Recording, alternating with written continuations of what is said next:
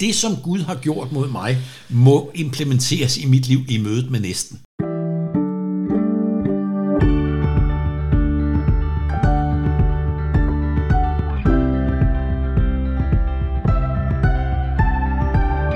Velkommen til Bibelbreak, en podcast fra Bibellæseringen, hvor vi læser og diskuterer Bibelen sammen. Jeg hedder Nikolaj, og jeg er vært for podcasten. Og igen i dag, så sidder jeg over for Hakon Christensen, som er landsleder i Bibellæseringen. Velkommen til, Hakon. Tak skal du have. I dag skal vi beskæftige os lidt med salme 7. Har du nogle indledende bemærkninger til, hvad du tænker om salme 7? Jamen, jeg tænker, at vi møder en mand her, David, som synger en sang for os på baggrund af en konflikt, han har kørende med en mand, der hedder Kush. Og, og øh, det er meget, meget, meget lærerigt, synes jeg, at øh, se, hvad han gør med den konflikt i forhold til Gud, og hvor ærlig han evaluerer sig selv og sin egen ansvar og skyld. Ja, spændende. Jamen, øh, så vil jeg starte med at læse salmen. Shikgayon af David. Han sang den til Herren på grund af Benjamitten Kush. Herre min Gud, hos dig søger jeg tilflugt. Frels mig fra alle mine forfølgere og befri mig, så de ikke skal sønderrive mig som løver og slæbe mig bort, uden at nogen kan redde. Herre min Gud, hvis jeg har gjort dette, hvis jeg har gjort mig skyldig i uret, hvis jeg har handlet ondt mod min ven, eller uden anledning udplyndret min modstander, måtte fjenden da forfølge og indhente mig, trampe mig ned og lade mig ligge i støvet. Herre, stå op i din harme. Rejs dig, for mine fjender er vrede. Vågn op, min Gud. Du sætter retten. Folkenes forsamling omgiver dig. Tag sæde over den i det høje. Herren holder dom over folkene. Skaf mig ret, herre, for jeg er retfærdig og skyldfri. Stands uretfærdiges ondskab. Støt den retfærdige, du som renser hjerter og nyere retfærdige Gud. Gud er mit skjold, han frelser de oprigtige. Gud er en retfærdig dommer, en Gud, der harmes hver dag. Fjenden væser sit svær på ny, han spænder buen og sigter, men han skal rette de dræbende våben mod sig selv og gøre sine pile til brandpile. Se, han undfanger uret, han er svanger med ulykke og føder løgn. En faldgruppe har han gravet ud, men han falder selv i den grav, han gravede. Hans ondskab rammer ham selv, hans uret kommer over hans eget hoved. Jeg takker Herren for hans retfærdighed. Jeg lovsynger Herren den højeste navn. Hvad kommer du til at tænke på, når jeg læser salmen, Hagen? Jeg synes, der er et mønster her, som, øh, som er meget øh, lærerigt, men også en kæmpe udfordring, øh, når jeg selv står i det. Jeg sagde indledningsvis, at David tydeligvis sang denne sang til Herren på grund af Benjamin Kush. Sådan står der i, i vers 1. Den er altså født ud af en eller anden form for meget, meget, meget vanskelig og trist erfaring, David havde med ham Kush her fra ja. Benjamins stamme. Ja. Og hvad gør David så? Ja, det første han gør med den vanskelighed, det er, at han søger tilflugt hos Herren. Han går til Herren med det, vers 2. Herre min Gud, hos dig søger jeg tilflugt. Han går til Gud først. Han går til Gud først. Frels mig, ikke? Altså frelsen, redningen, løsningen, den kommer fra Gud. Og øh, det der første rygmavs move til Gud med mine nederlag, med mine kampe, med mine uretfærdigheder, som, som jeg bliver genstand for, måske har det været det. Konflikter, ja. Det går jeg til Gud med. Ja. Der starter det. Og så det andet, det er hans, hans øh, selvevaluering, kan man sige, fra, fra vers 4. Herre min Gud, hvis jeg har gjort dette, hvis jeg har gjort mig skyldig i uret, hvis jeg har handlet ondt mod min ven, eller uden anledning udplyndret min modstander.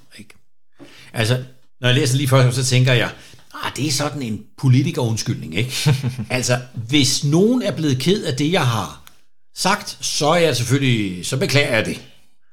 Altså underforstået, hvis nogen er så tåbelige, så de ikke går. Men altså, jeg tror, at det her skal forstås meget, meget ærligt på en helt anden måde. Det kunne være, at jeg var en del af problemet, siger David.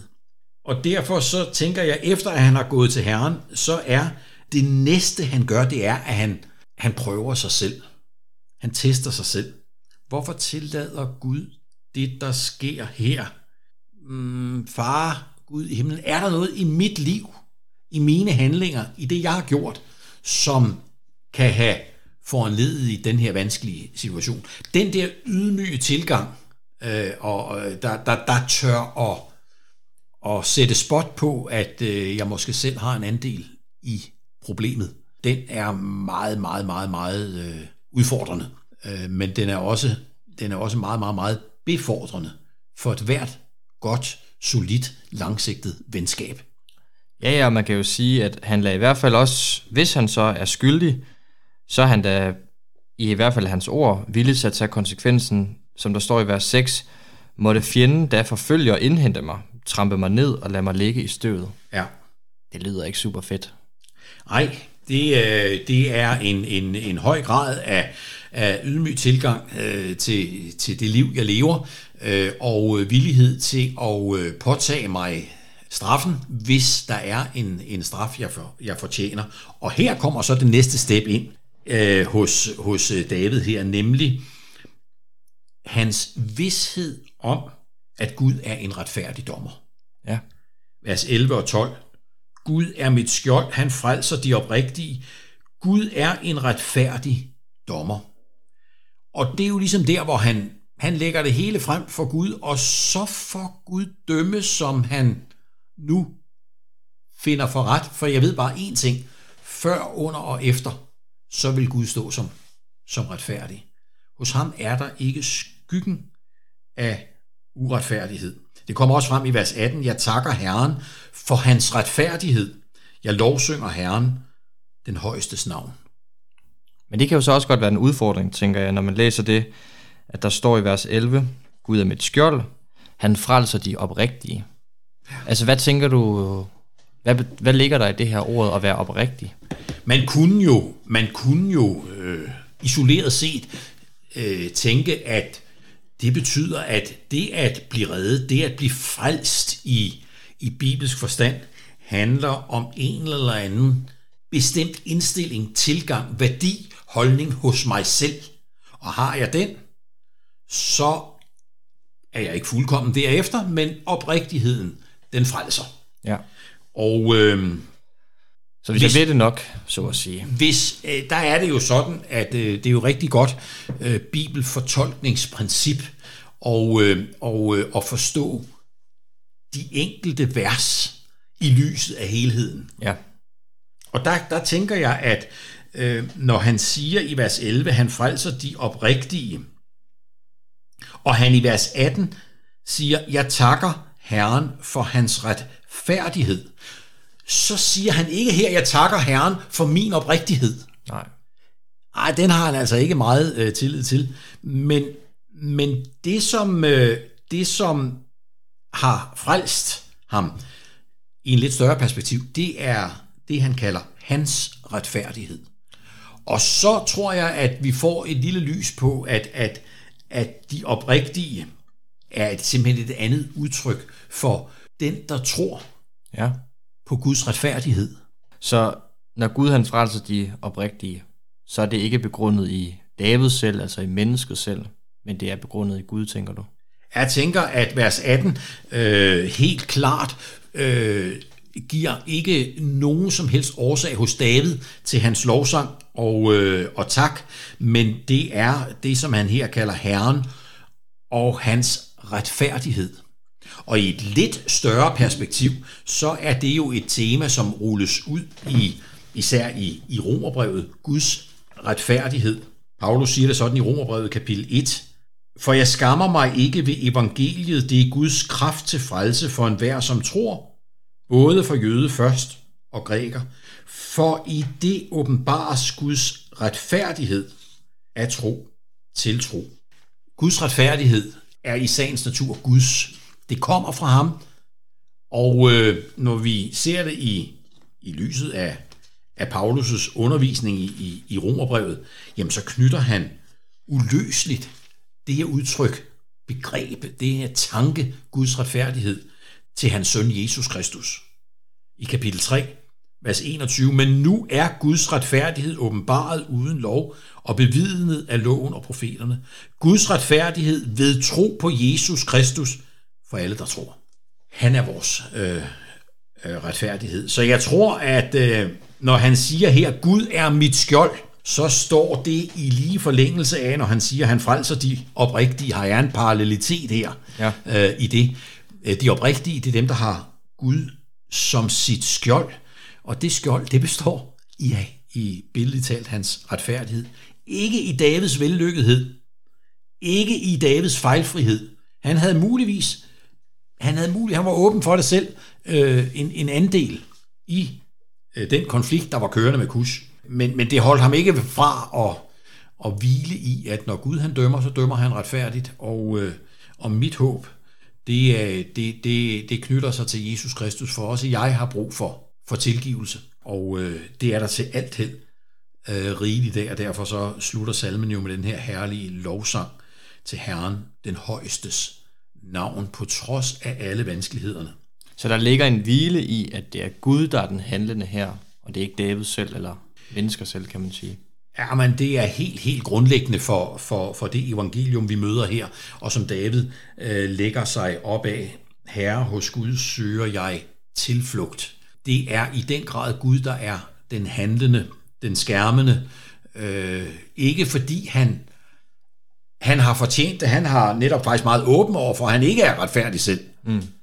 Men Gud har bragt en retfærdighed i stand, sin egen retfærdighed.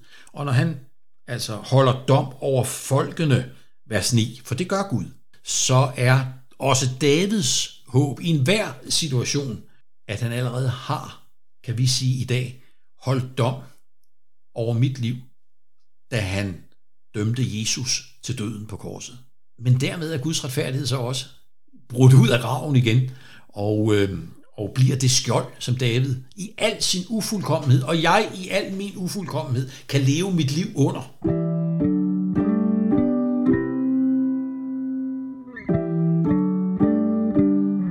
Hvordan skal vi så leve det ud?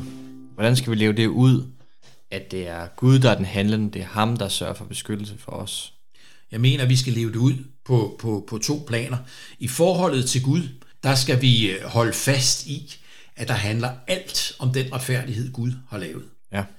I forholdet til vores næste, på det vandrette plan, der skal vi lægge os i selen på at handle ret, gøre ret, være oprigtige, gå den ekstra mil, og øh, være ærlige og gennemsigtige i alt, hvad vi gør.